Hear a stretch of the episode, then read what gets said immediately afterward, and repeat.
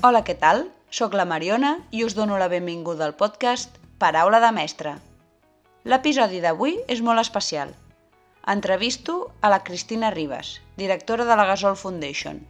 Fundada pels germans Gasol, la Gasol Foundation treballa per reduir l'obesitat infantil a través de la promoció de l'esport i l'activitat física, una alimentació saludable, les hores i la qualitat del descans i l'equilibri emocional dels nens, nenes, joves i les seves famílies. Parlem amb la Cristina sobre els projectes que duen a terme, la situació actual de l'obesitat infantil i dels factors que influeixen que aquesta malaltia sigui actualment una pandèmia mundial. Us deixo amb l'entrevista.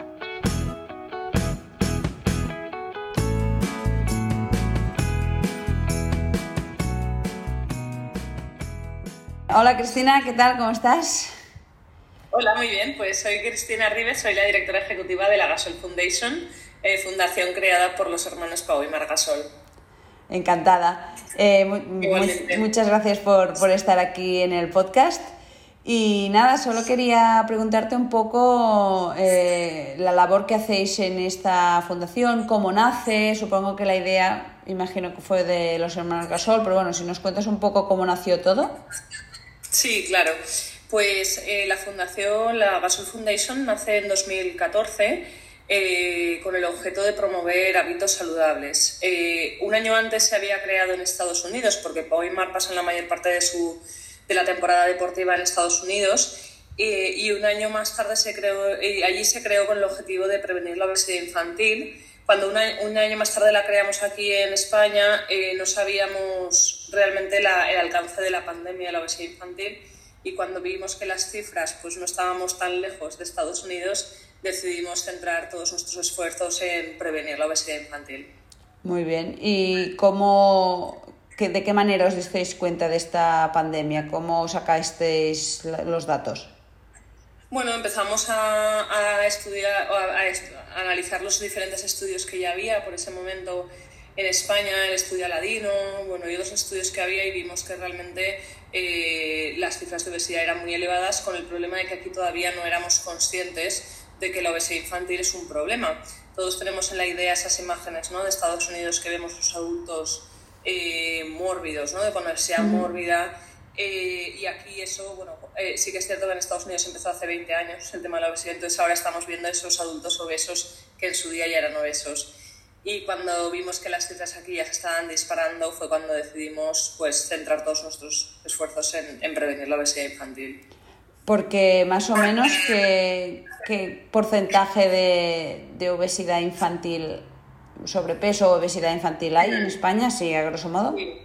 Sí, el año pasado hicimos eh, desde la Fundación el estudio PASOS, que es el primer estudio científico representativo de, España sobre el nivel de obesidad y sedentarismo y sobrepeso de los niños y niñas entre 8 y 16 años. Ahí vimos que el 34,9% de los niños y niñas de estas franjas de edad tienen sobrepeso o obesidad, que es, que es muchísimo.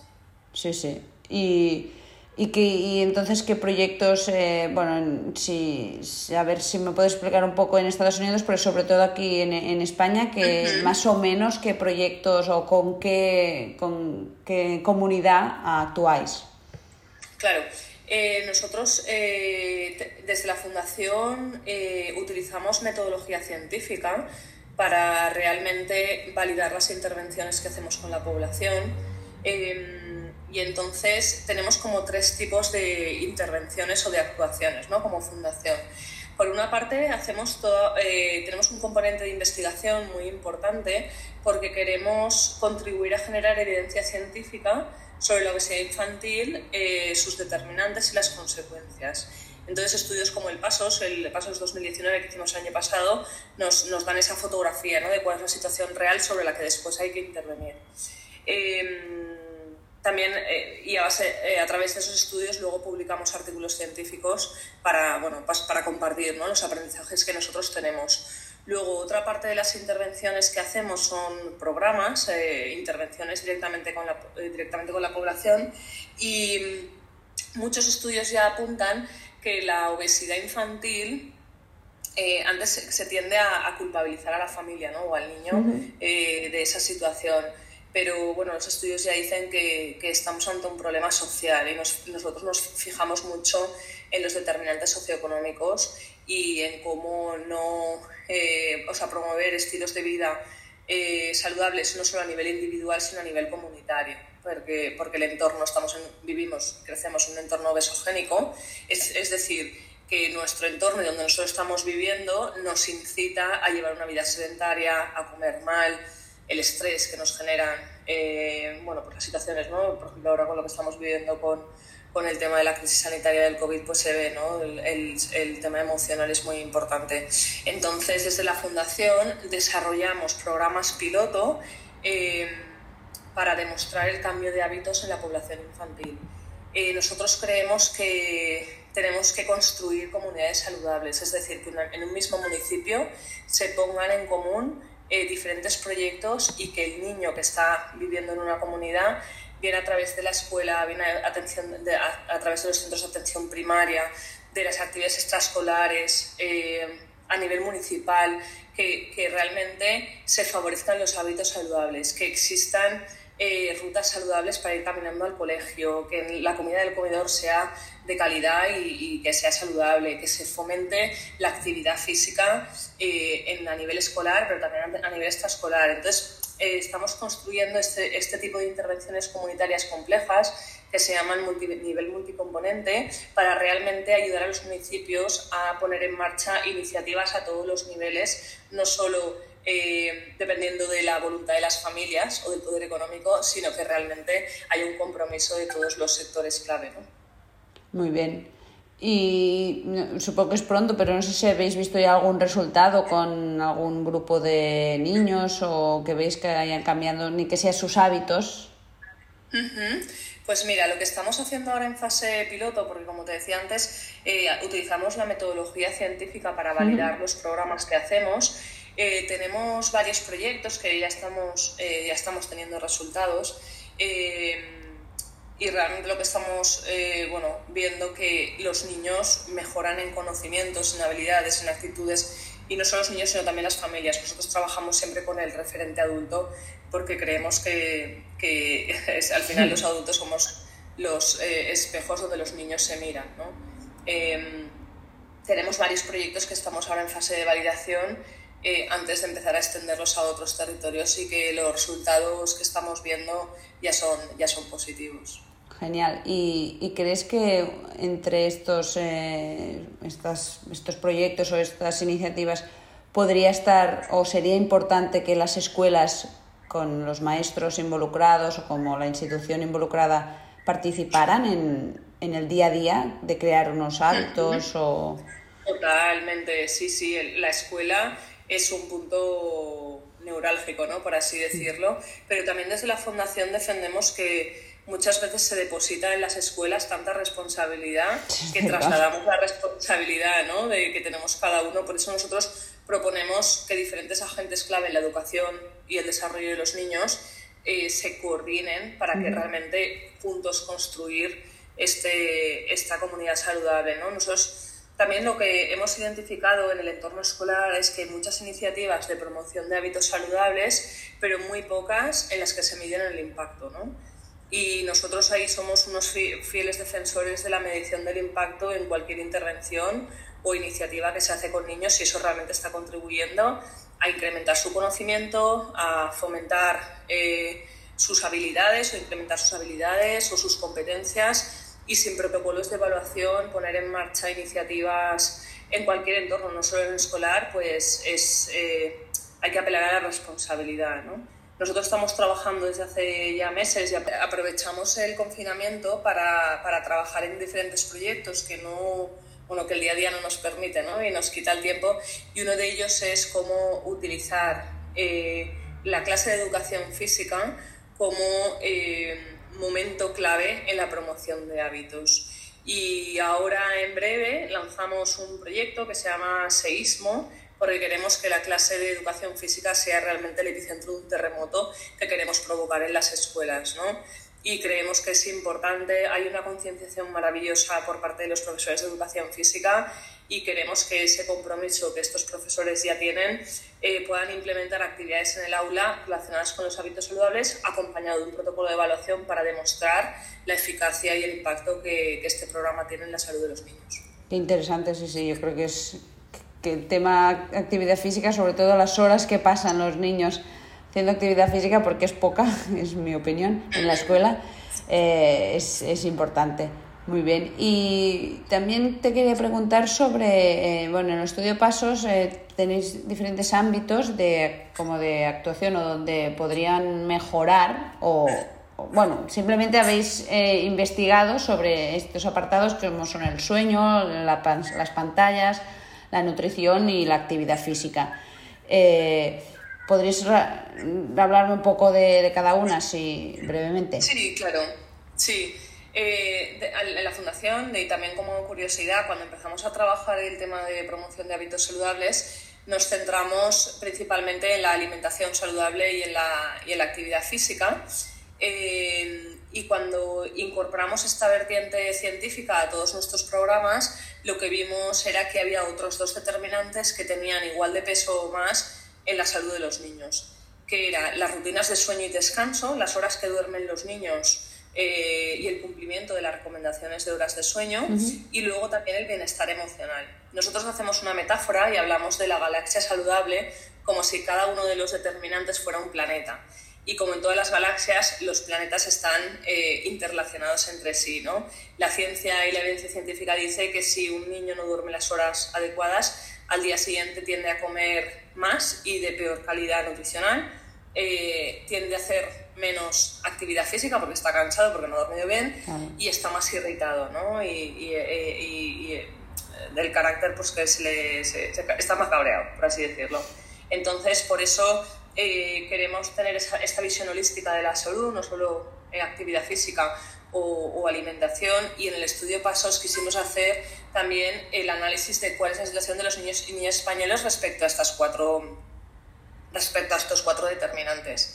¿Qué salió? Pues salieron resultados preocupantes. Salió que, que los niños utilizan eh, las pantallas mucho más de, los de, lo que lo deberían, eh, sobre todo los fines de semana eh, también otro, otro dato que nos preocupó es el nivel de sedentarismo, que, está, bueno, muy pocos niños cumplen las recomendaciones de la OMS de realizar una hora, al menos al día, una hora de actividad física eh, vigorosa.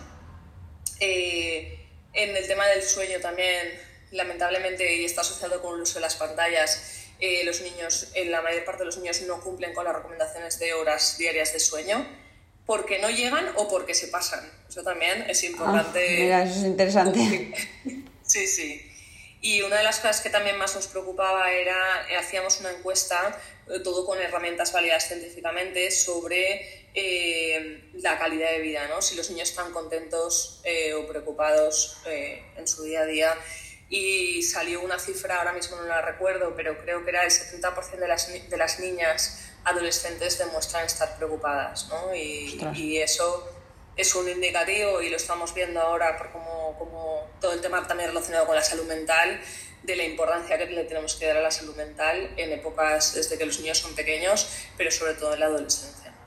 Muy bien eh, ostras, pues esa visión más general, eh, ya no solo, porque supongo que pensamos, ¿no? Un niño obeso, pues o come mal o se mueve poco, ¿no? Pero, pero, pero bueno, habéis indicado eso, ¿no? Que, que es todo mucho más global. También si pensamos, si tú, si tú bueno, si tú, si, si se analizan las causas que hay detrás de un niño que tiene sobrepeso o obesidad, eh, no siempre es porque el niño come de más, ¿no? Hay veces que sufre bullying en el colegio, sus padres están separando o no hay dinero en casa. Eh, pudimos demostrar también con el estudio de pasos que hay una asociación muy grande entre nivel eh, socioeconómico y nivel de obesidad.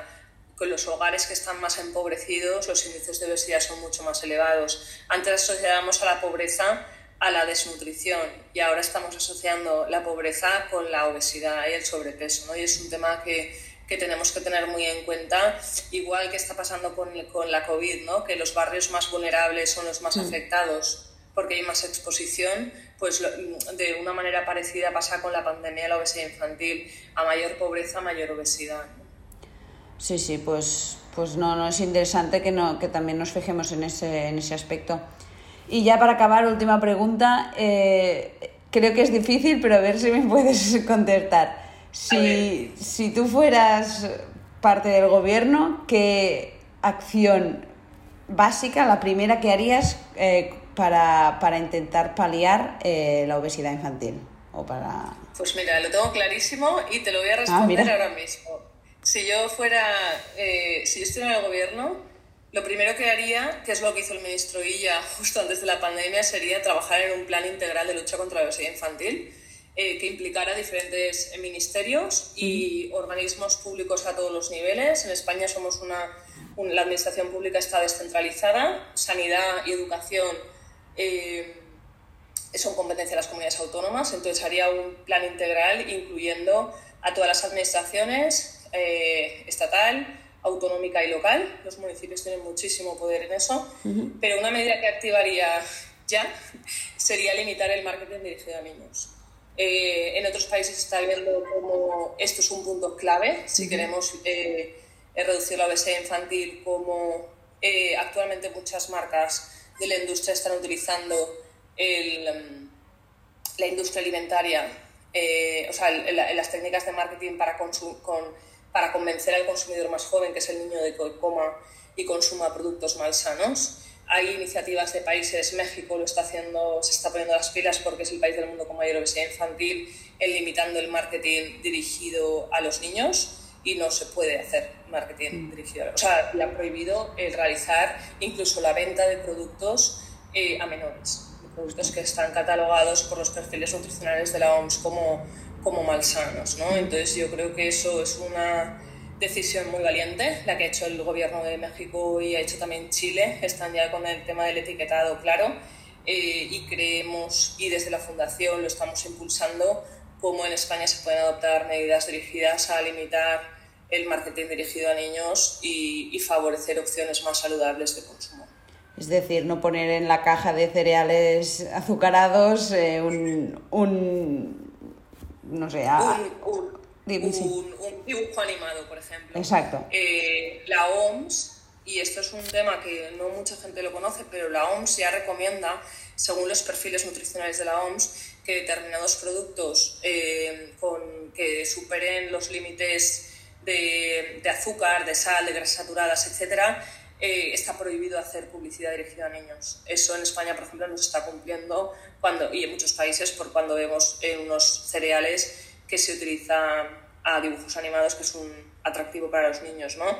O eh, que en los menús infantiles mm. hay muñecos para, muñequitos para atraer a los niños.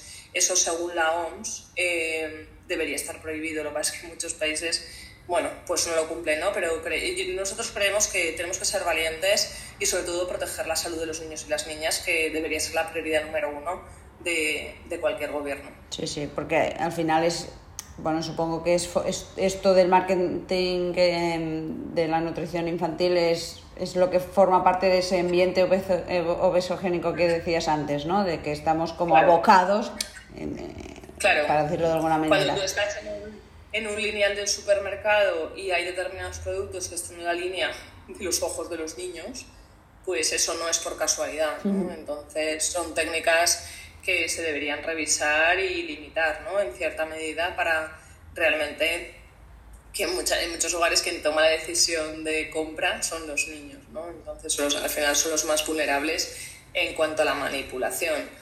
Creemos que tenemos que ser sensibles también ante la realidad y no olvidar que la obesidad infantil es una pandemia. Todo el mundo se ha familiarizado con la palabra pandemia, con la COVID-19 pero hay una pandemia silenciosa que es la obesidad infantil y la obesidad adulta. Estamos viendo que hay una asociación entre la mortalidad de la COVID con, con las personas que, que, tienen obesidad. Entonces también la obesidad es un factor de riesgo para otro tipo de enfermedades, ¿no? Entonces, bueno, pues esa responsabilidad de, de, de construir una sociedad más saludable entre todos. Muy bien, pues eh, desde aquí eh, darte las gracias por la labor que hacéis en la Fundación. De verdad que eh, personas como yo, que soy una simple maestra, pero que, que estoy muy concienciada con este tema de, de que, ostras, es que si somos obesos de pequeños lo seremos de mayores y como dices, pues saturaremos hospitales, gastaremos dinero en, dinero en, en intentar paliar enfermedades que no haría falta si tuviéramos unos buenos hábitos. Bueno, pues eh, desde, desde aquí eh, muchas gracias por toda esta labor. Nada, y la, y la felicitación a vosotros, a todos los profesores y maestros que nos estarán viendo, porque en el día a día al final sois los que estáis más tiempo con los niños y, y, sois un referente maravilloso para todos esos niños. O sea que muchas gracias también por escucharme. Bueno, a ver si entre todos logramos dar pasitos poquito a poquito y, mejoramos. Y muchas gracias también por, por estar aquí en el podcast un honor y, de verdad muchas gracias por, por podernos hablar un poquito de, de, todo esto. Nada, muchísimas gracias Mariana y mucha suerte y cuando queráis vuelvo.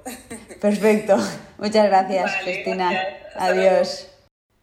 I fins aquí l'episodi d'avui. Espero que l'entrevista us hagi agradat i també us hagi despertat una mica l'interès per promoure els hàbits saludables en els infants. Mica en mica i entre tots hem d'aconseguir un món en el qual tots els nens i nenes arribin a l'edat adulta física i mentalment preparats, de cara a poder viure una vida plena, sana i plena d'oportunitats. No és qüestió de tenir un bon aspecte físic, és salut. Us deixo les notes de l'episodi tots els enllaços de les xarxes socials de la Fundació Gasol i la Cristina, i també, com sempre, del meu compte d'Instagram i Twitter. Abraçada!